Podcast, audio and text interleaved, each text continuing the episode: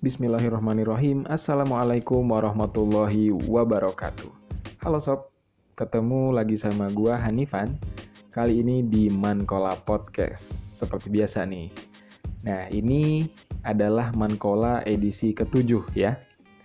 Gua ada kesalahan kemarin di episode sebelumnya. Yang kemarin gua bilang di situ adalah edisi ketujuh atau episode yang ketujuh Padahal yang kali ini nih, episode ini nih ya, baru masuk episode ketujuh.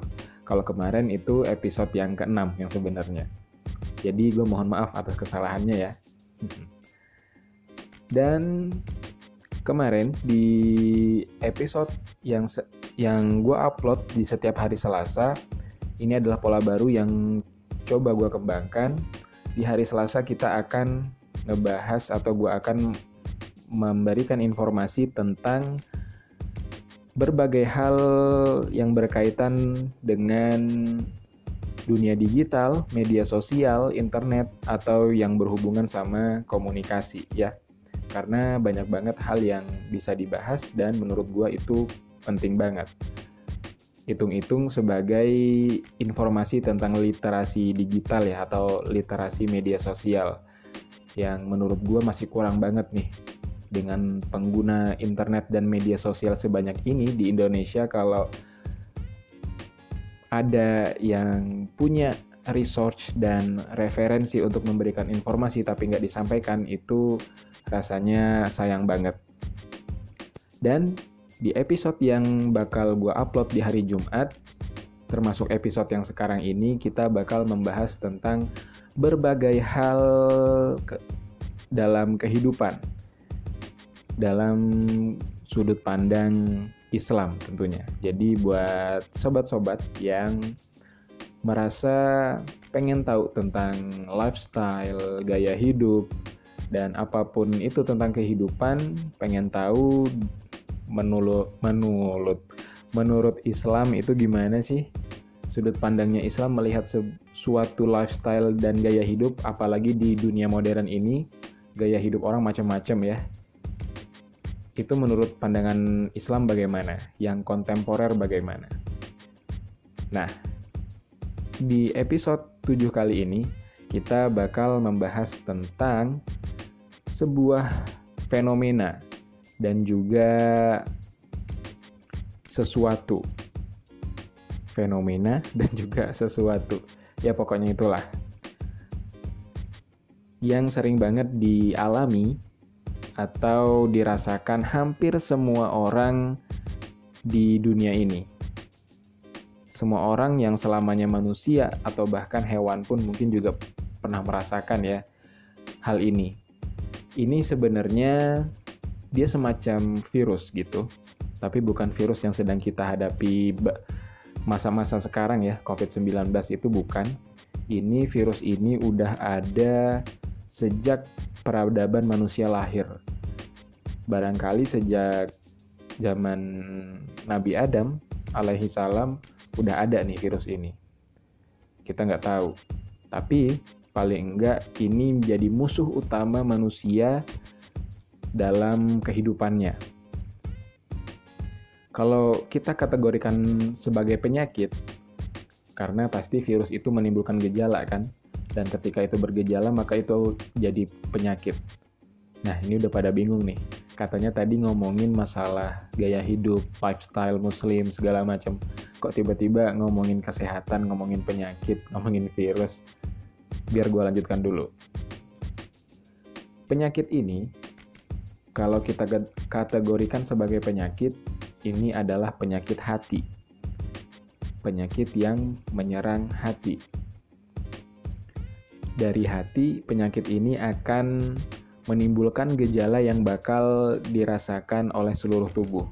Dari ujung kepala sampai ujung kaki bakal ngerasain efeknya dari penyakit ini.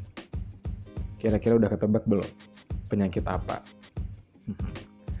Kenapa gue bilang ini sebag bisa disebut sebagai virus? Karena ya memang ini menular. Menularnya bukan lewat droplet atau apa, tapi menularnya lewat lingkungan, lewat pergaulan, lewat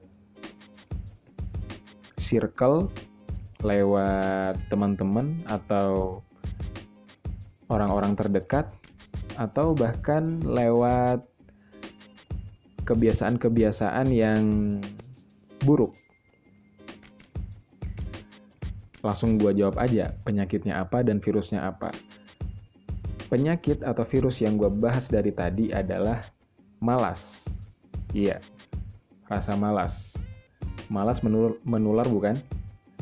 kalau lu punya semangat ingin mengerjain sesuatu tapi ketika lu berkumpul sama teman-teman yang punya rasa malas dan mengulur-ngulur waktu, menunda-nunda waktu, kemungkinan besar lu juga bakal ikut dalam fenomena itu atau ikut dalam kebiasaan itu. Itu itu kenapa gua bilang rasa malas ini sebagai virus. Dan tentunya rasa malas ini bisa menghinggapi siapa aja ya. Dan malas ini gue kategorikan sebagai penyakit hati karena malas ini pasti bisa melumpuhkan potensi kita yang bikin hari-hari kita jadi nggak produktif gitu. Apalagi di masa modern kayak gini ya sob, dengan perkembangan teknologi, terutama yang digital, ada kebiasaan baru dari kita. Mungkin bukan kebiasaan baru, tapi kebiasaan yang semakin menular, yaitu adalah kebiasaan untuk menunda-nunda waktu. Waktu sebenarnya nggak bisa ditunda ya, tapi yang ditunda adalah kegiatan atau pekerjaan. Lebih tepatnya sih menunda pekerjaan atau menunda aktivitas atau kegiatan.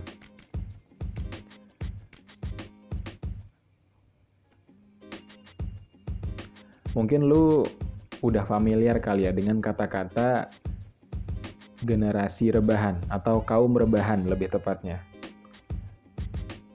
Ini banyak bah banyak banget dan selalu jadi kebanyakan jadi topik di media sosial dan jadi sindir sindiran di media sosial. Nggak jarang yang mengakui dirinya sebagai kaum rebahan salah satu sisi positifnya adalah ya orang ini mengakui kalau dia adalah kaum rebahan atau orang yang suka rebahan. Kaum rebahan kan maknanya ya males gitu untuk melakukan apa pun. Rebahan aja, baring aja, tidur-tiduran aja di kamar atau di atas kasur gitu ya.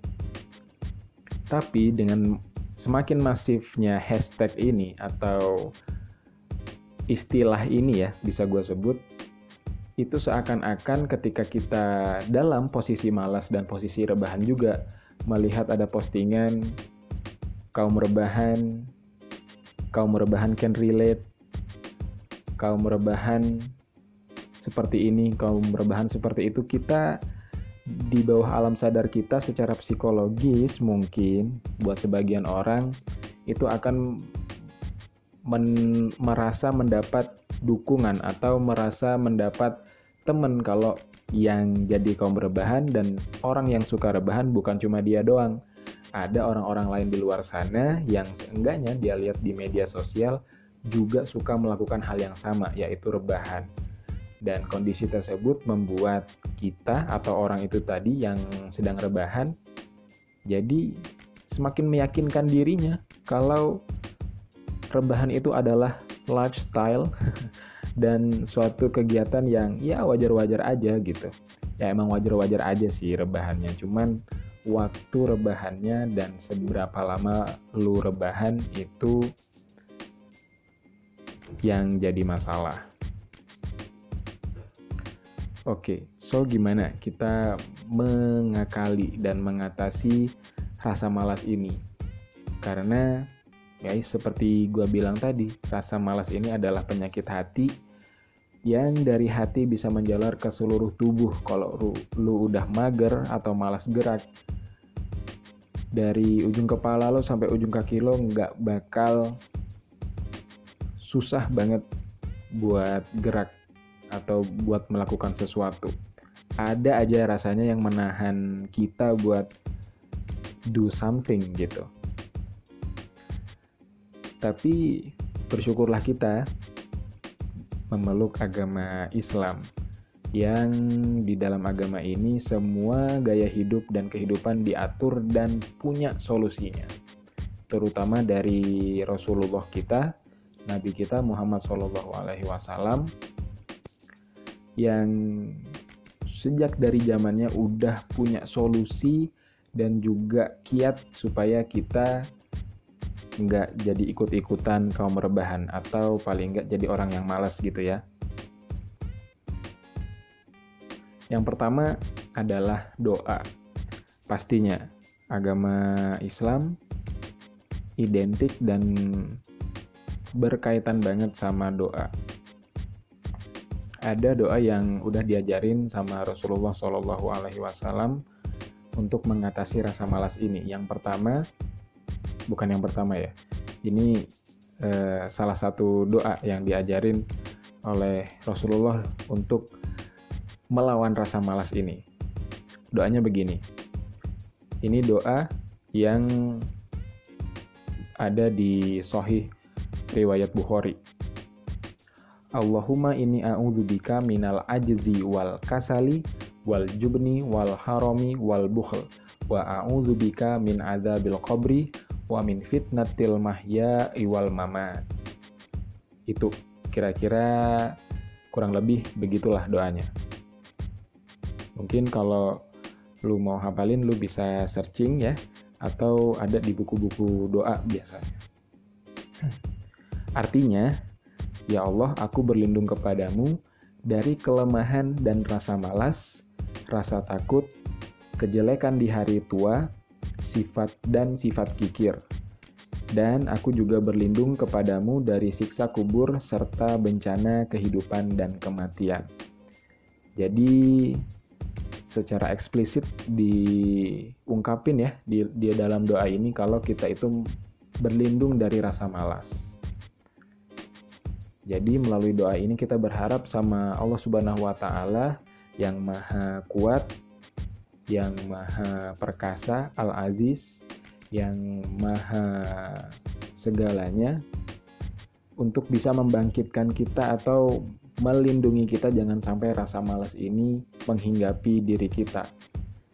Karena kita gak ada daya upaya dan kekuatan apa pun kecuali dari Allah Subhanahu wa Ta'ala.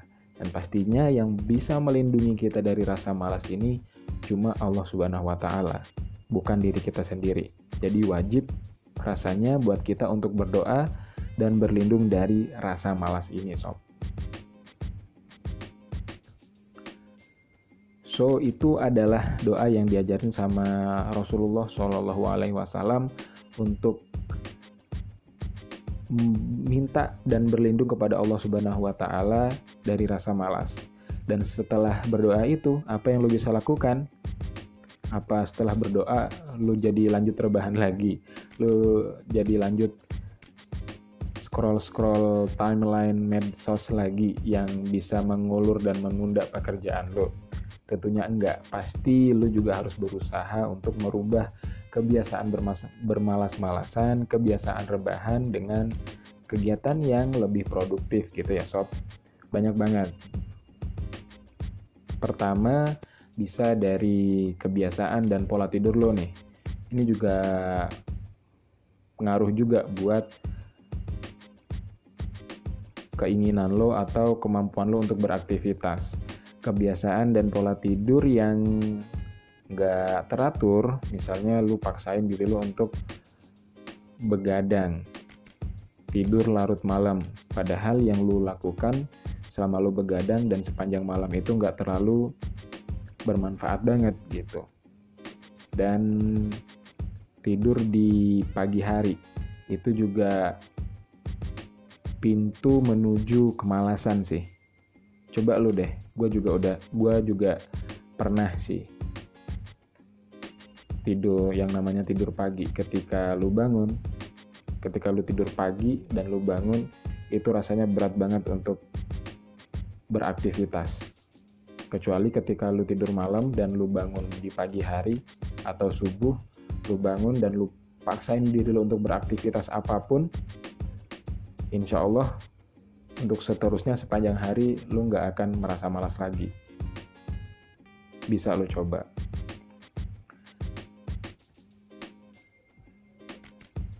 Tapi yang bisa lo lakukan selain berusaha mengatur waktu tidur mungkin ini juga akan efektif buat lo untuk menghindari rasa malas ini. Yang pertama dari sholat lo nih sob. Kita kan sebagai muslim sholat itu wajib lima kali sehari. Dua di, di adalah sholat subuh dan sholat isya. Menurut gua dua sholat ini yang bisa banget menentukan diri lu dalam keadaan malas atau enggak lu punya kebiasaan malas yang seperti apa? Apakah udah akut? Apakah masih intermediate? Atau lu adalah beginner? Nah indikasinya bisa di dua sholat ini. Sholat subuh dan sholat isya. Sholat subuh adalah sholat yang mengawali aktivitas lo sepanjang hari dan sholat isya sebagai penutup sholat di antara semuanya. Yang biasanya ketika sholat subuh kita bangun dan ya namanya sholat pasti kita harus bang harus bangkit dari tempat tidur kita ya dan effort untuk sholat subuh ini pasti luar biasa makanya ganjarannya luar biasa banget nih. Dari hadisnya riwayat Bukhari juga bilang bahwa tidak ada sholat yang lebih berat bagi orang munafik selain dari sholat subuh dan sholat isya. Seandainya mereka tahu keutamaan yang ada pada dua sholat tersebut, tentu mereka akan mendatanginya walau merangkak sob. Itu sih.